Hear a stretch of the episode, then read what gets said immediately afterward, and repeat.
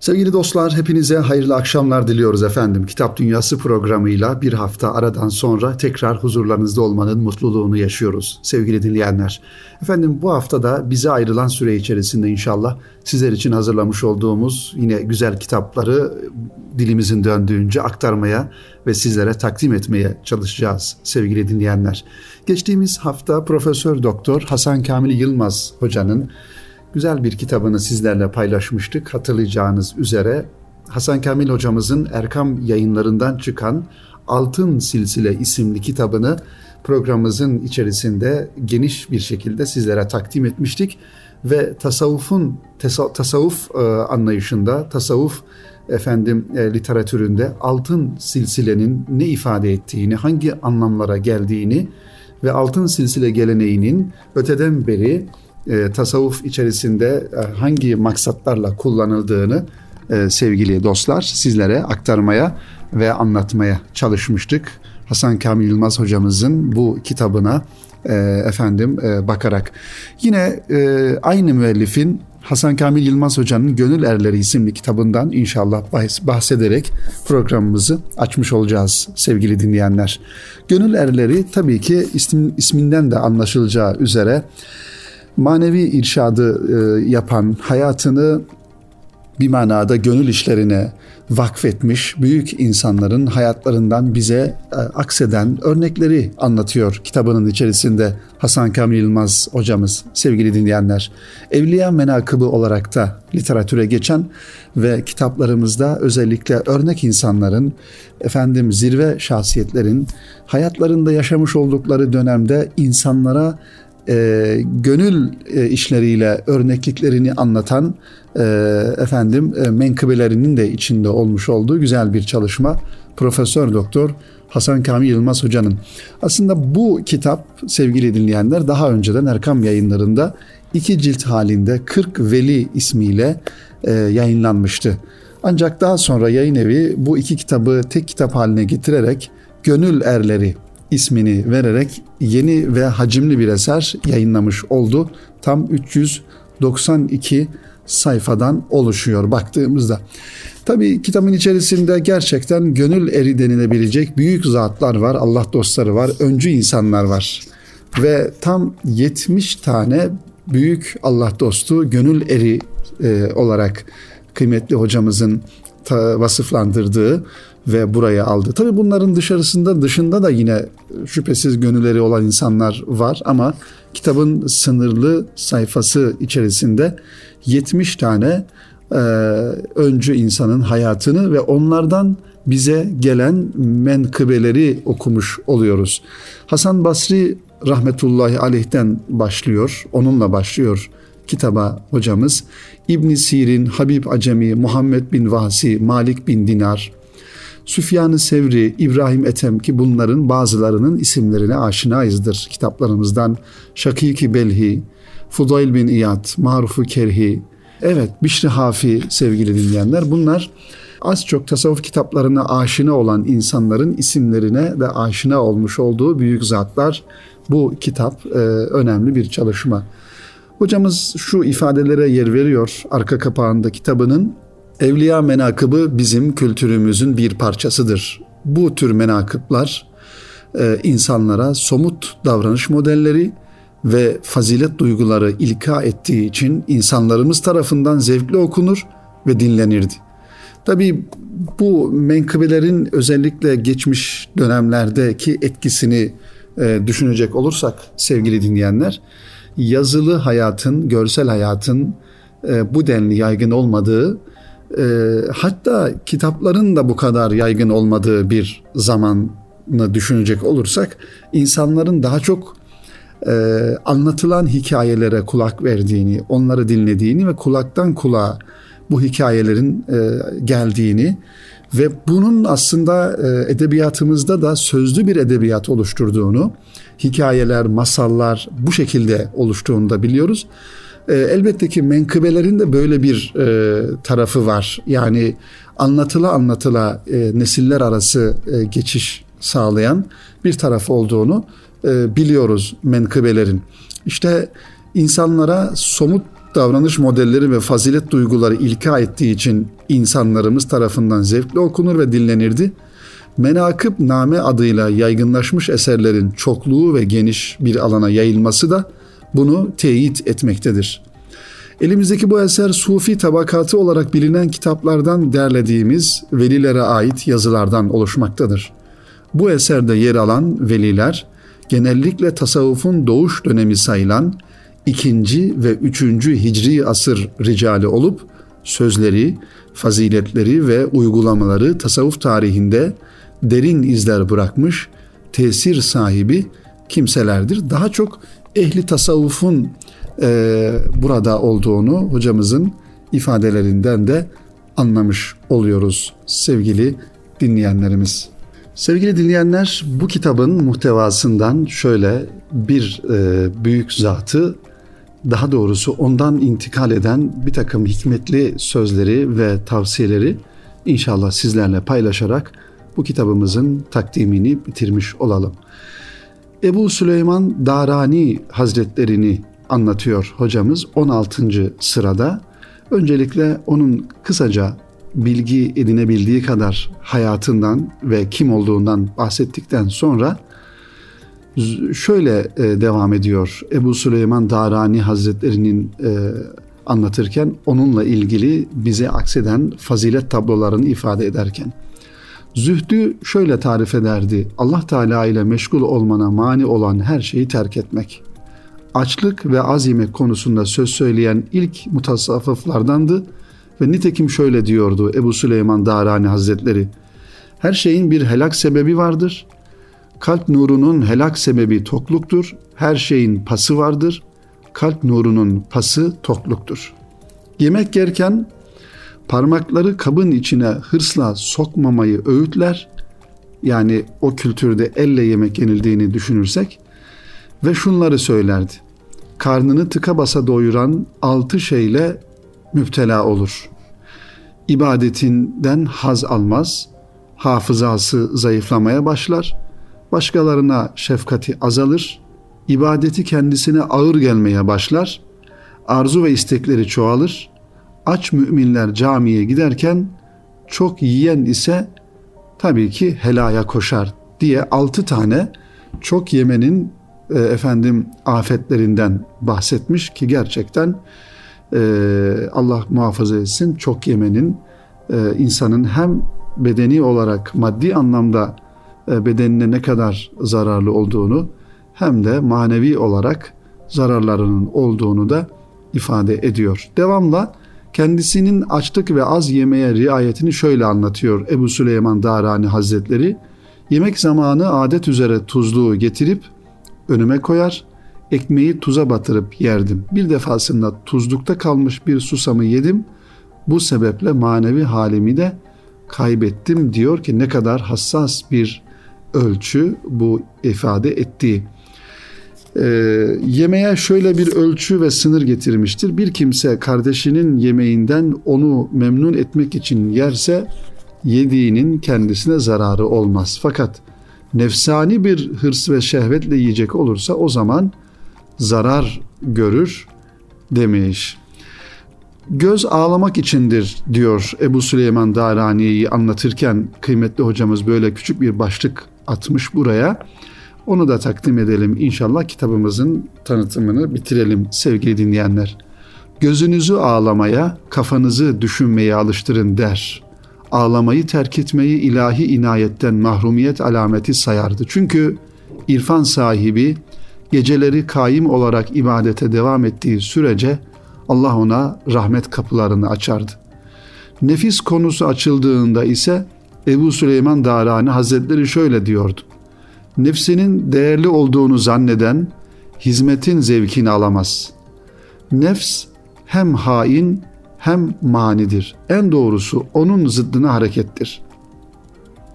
Nefsani arzularını terkte sadık olan bu arzularının getirdiği sıkıntıdan kurtulur. Zira nefsani arzularından kurtulan kimse Rabbinden razı olur.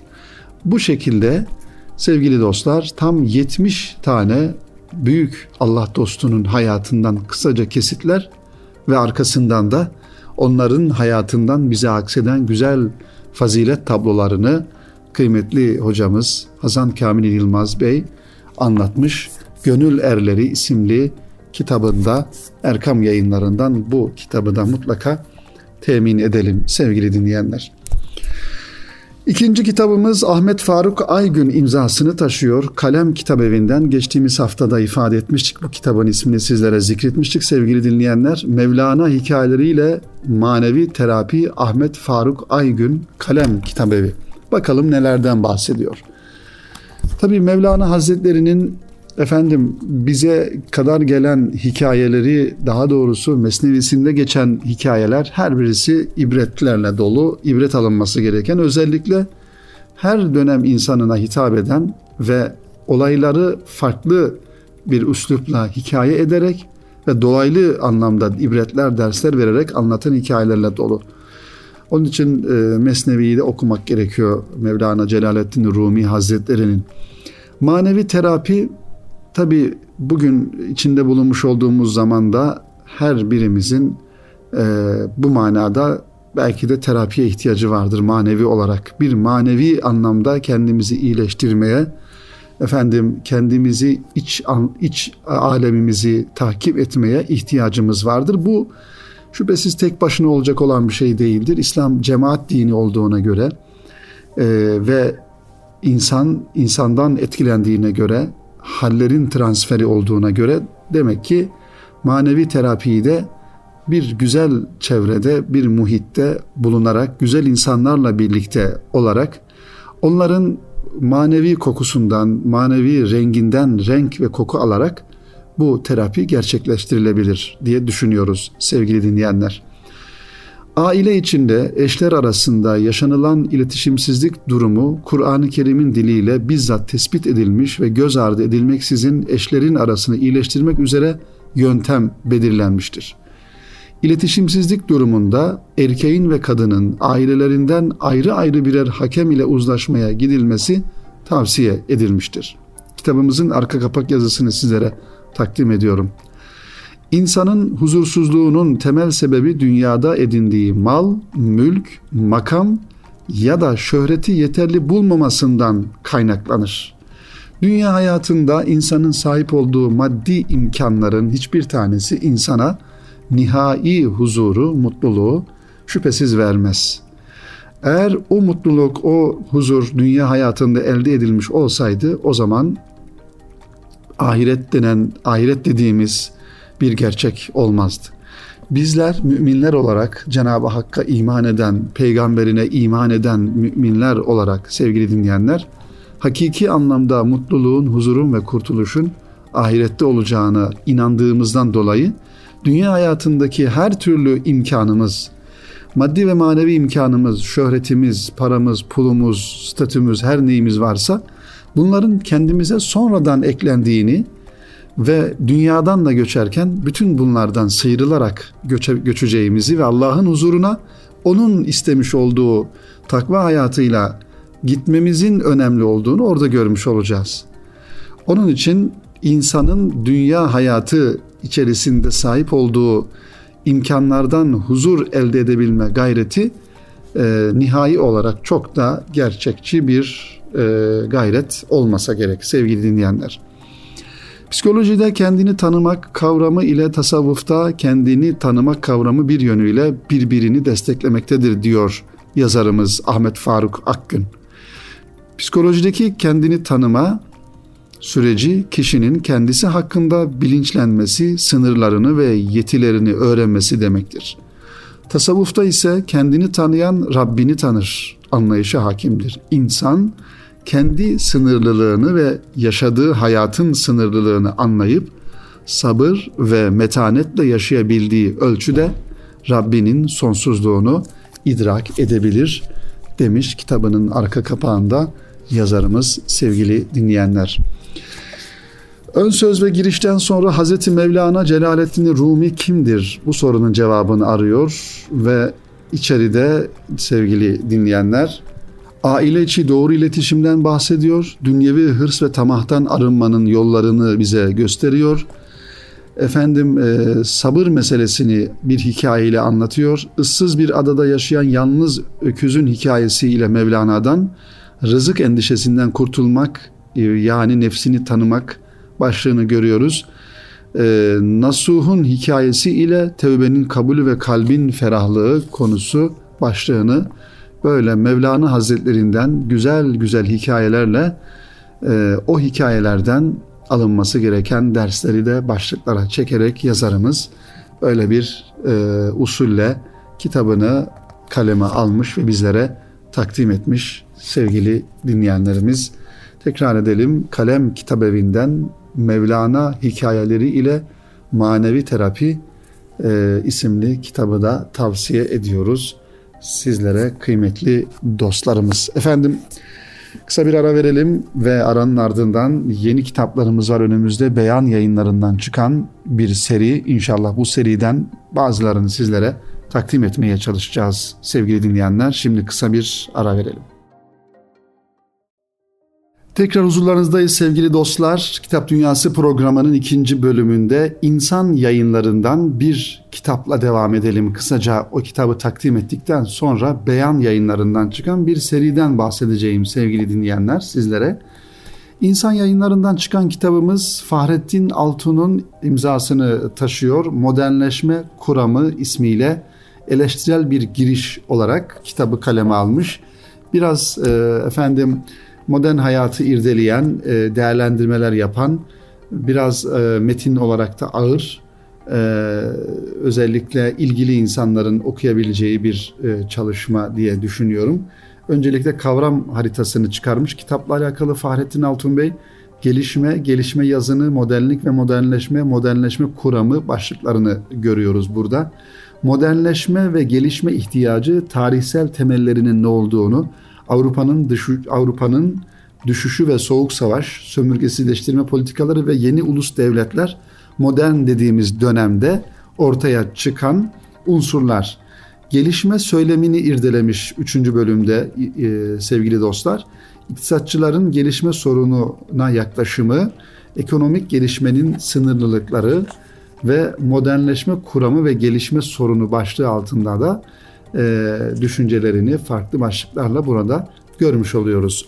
Modernleşme kuramı sevgili dostlar en özlü ifadesiyle modern batılı sosyal bilimcilerin modern olmayan toplumlar için yazdığı sosyolojik reçetenin adıdır. Yani dünyanın bir kısmı kıymetli dinleyenler daha Türkçe ifadeyle dünyanın bir kısım devletleri kendilerini modern konumuna oturtarak modern olmadığını düşündükleri devletlerle alakalı bir e, düşünce ortaya atıyorlar ve modernleşme kuramı dediğimiz ifade de buradan ortaya çıkmış oluyor. Eğer bugün toplumsal mühendislik diye bir şeylerden bahsediyorsak bunun duayenleri modernleşme kuramcılarıdır. Yani hele hele zamanımızda bugün toplumları adeta bir mühendis gibi e, dizayn eden, algılar oluşturan, insanları yönlendiren, düşüncelerini değiştiren bir akıl efendim, bir mühendislik çalışması. İşte bu da e, modern kuramcıların e, ortaya atmış oldukları bir düşünce sevgili dinleyenler. Modernleşme kuramı 2. Dünya Savaşı sonrasında ABD'nin önde gelen üniversitelerinde geliştirilmiş teorik bir çerçevedir. Homojen bir çerçeve olmamakla birlikte batılı sosyal bilimcilerin batı dışı toplumlara bakışlarına yön vermiş ve hala yön veren bir paradigmadır. Elimizdeki bu kitabın temel tezi modernleşme kuramı anlaşılmadan günümüz küreselleşme tartışmalarının doğru değerlendirilemeyeceği yönündedir. Bugün dünyada küreselleşme dediğimiz tek dünya yani tek devletli bir dünyaya gidişin efendim e, kodlarını, yapılanları görüyoruz. Yani sınırların çok bir anlam ifade etmeyeceği bir zamana, bir zaman dilimine geçiyoruz. Zaten kültürel anlamda o sınırların kalktığını da ifade etmek lazım. Bugün elimizdeki kullandığımız telefonu dünyanın öbür ucundaki insan da kullanıyor. Bugün telefonumuzda kullandığımız bir programı dünyanın en öbür tarafındaki insan da kullanıyor. Dolayısıyla arada sınırlar yok. Kültürel anlamda aslında aynı noktalardan besleniyoruz. İşte küreselleşme dediğimiz hadise bu ve bu da modernleşme kuramının öncülerinin yapmak istediği tek dünya ve tek tip insan efendim dini anlayışları, milli duyguları, devlet anlayışlarını, e, çeşitlilikleri, farklılıkları, farklı kültürlerin ortadan kaldırılarak yeni bir dünya ve yeni insan tipi oluşturma gayreti görmüş oluyoruz. İşte bu kitapta e, sevgili dinleyenler bize bu küreselleşmenin ve bahsetmiş olduğumuz konuların neler olduğunu ve daha doğrusu nasıl olduğunu anlayabilme noktasında öncelikli olarak modernleşme kuramının e, ne olduğunu anlamamız gerektiğini ifade ediyor. Küreselleşme ve modernleşme sorunlarına farklı bir pencereden bakan bu kitap gelişme tartışmaları bağlamında modernleşme kuramının üzerinde yükseldiği teorik ve toplumsal zemini, kuramın öncü düşünürlerini ve temel argümanlarını masaya yatırıyor. Önemli bir çalışma sevgili dinleyenler. Fahrettin Altun'un insan yayınlarından modernleşme kuramını anlattığı ve tabii ki bir taraftan da küreselleşme adı altında yapılan bugün birçok faaliyet dünyayı tek noktadan, tek merkezden yönetme gayreti ve bunun için yapılan faaliyetler, bunun için yapılan çalışmaları da bu vesileyle bu kitabı e, okuduktan sonra çok daha net anlayabiliriz diyelim sevgili dinleyenlerimiz. Efendim beyan yayınlarından çok güzel bir seri yayınlamışlar. Baktığımda bu kitaplar elime geldi. Beyan yayınlarının çok güzel çalışmaları var. Kitaplar tabi e, efendim bakalım kaç tane 3 6 9 12 15 tane kitap sevgili dinleyenler bir set halinde bir Müslümanın üst başlığını taşıyor. Bir Müslümanın İslam tarihini sorunlu, daha doğrusu bir Müslüman İslam tarihinin sorunlu konularına nasıl bakmalı? Bir Müslüman kadın sorunu ve feminizme nasıl bakmalı? Bir Müslüman sosyal medyaya nasıl bakmalı? Bir Müslüman evrim ve sosyal darwinizme nasıl bakmalı? Bir Müslüman İslam'da yönetim biçimi ve halifeliğe nasıl bakmalı gibi Böyle farklı 15 tane konuyu e, ele almışlar farklı yazarlar maharetiyle. Bir Müslüman mezhepler, tarikatlar ve cemaatlere nasıl bakmalı? Bir Müslüman kader ve insanın özgürlüğüne nasıl bakmalı? Tabi bu kitapların her birisi affedersiniz her birisi sevgili dinleyenler farklı yazarlar tarafından kaleme alınmış ama bir üst başlıkla bir Müslüman İslamcılık, İslam birliği ve ümmete nasıl bakmalı diye e, içeriğini e, her birisi kendisi hazırlamış yazarlarımızın. Bir Müslüman deizm ve ateizme nasıl bakmalı? Bir Müslüman modernleşme ve modernizme nasıl bakmalı? Ve aynı zamanda çağdaş ideolojilere nasıl bakmalı? Felsefeye nasıl bakmalı? Evet son olarak da bir Müslüman Batı medeniyetine nasıl bakmalı diye e, çok güzel bir seri hazırlamış.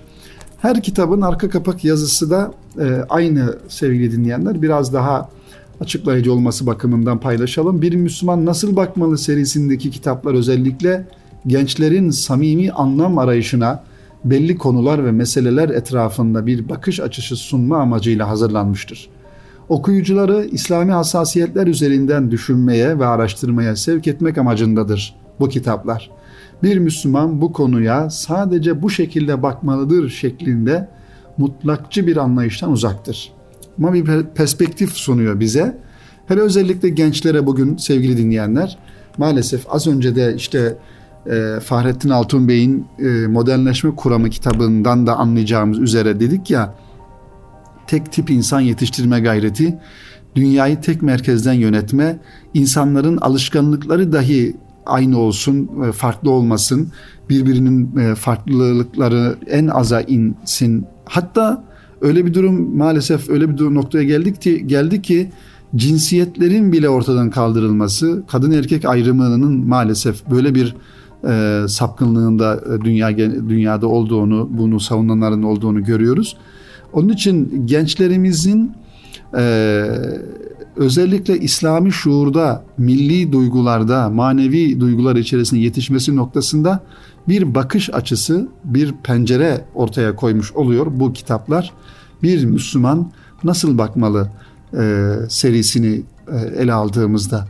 İslami hassasiyetler üzerinden okuyucuları İslami hassasiyetler üzerinden düşünmeye ve araştırmaya sevk ediyor diyor bu kitap. Bu amaçla yayınlanmış olan bir Müslüman e, Batı medeniyetine nasıl bakmalı? Mesela bu kitabı elimizdeki kitabı ele alacak olursak isimli bu kitapta medeniyet tarihinde Batı medeniyetinin farklı bir medeniyet gerçekliği olarak öne çıkmasının sebepleri tespit edilmeye çalışılmıştır.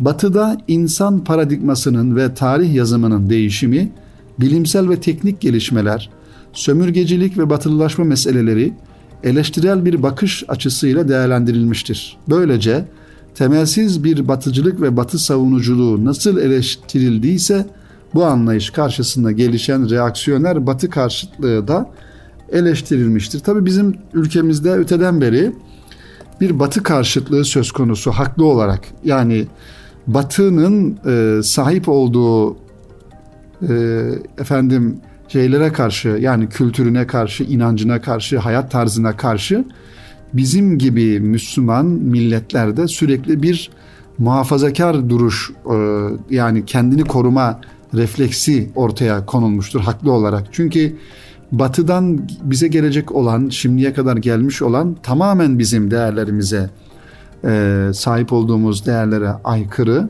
ama batının ilmi, batının efendim teknolojisi vesairesi bunlar aslında batıda e, var olan şeylerden ziyade bizim yapmadığımız, bizim gibi toplumların bu manada e, başaramadığı diyelim, e, özellikle belli bir dönem başaramadığı durumlar. Ha, yoksa e, teknoloji, ilim Cenab-ı Hakk'ın ilmidir. Bunu da kim e, çalışır gayret ederse Cenab-ı Hak da ona nasip eder sevgili dinleyenler. İşte bu seriyi de önemsediğimizi ifade edelim. Bir Müslüman nasıl bakmalı e, serisi güzel bir seri olmuş. Beyan yayınlarını da bu manada e, tebrik ediyoruz sevgili dinleyenler. E, umarız özellikle genç kardeşlerimiz okullardaki bugün özellikle liselerde okuyan kardeşlerimizin gerçekten fikri anlamda çok daha e, tahkim edilmeye, doldurulmaya, zihinlerinin başka şeylere e, müsait olduğu bir zamanda fikri açıdan, ilmi açıdan, milli duygular açısından, manevi duygular açısından doldurulması gerekiyor. Ben de bu kitapları özellikle öğretmenlerimize, hocalarımıza tavsiye ediyorum.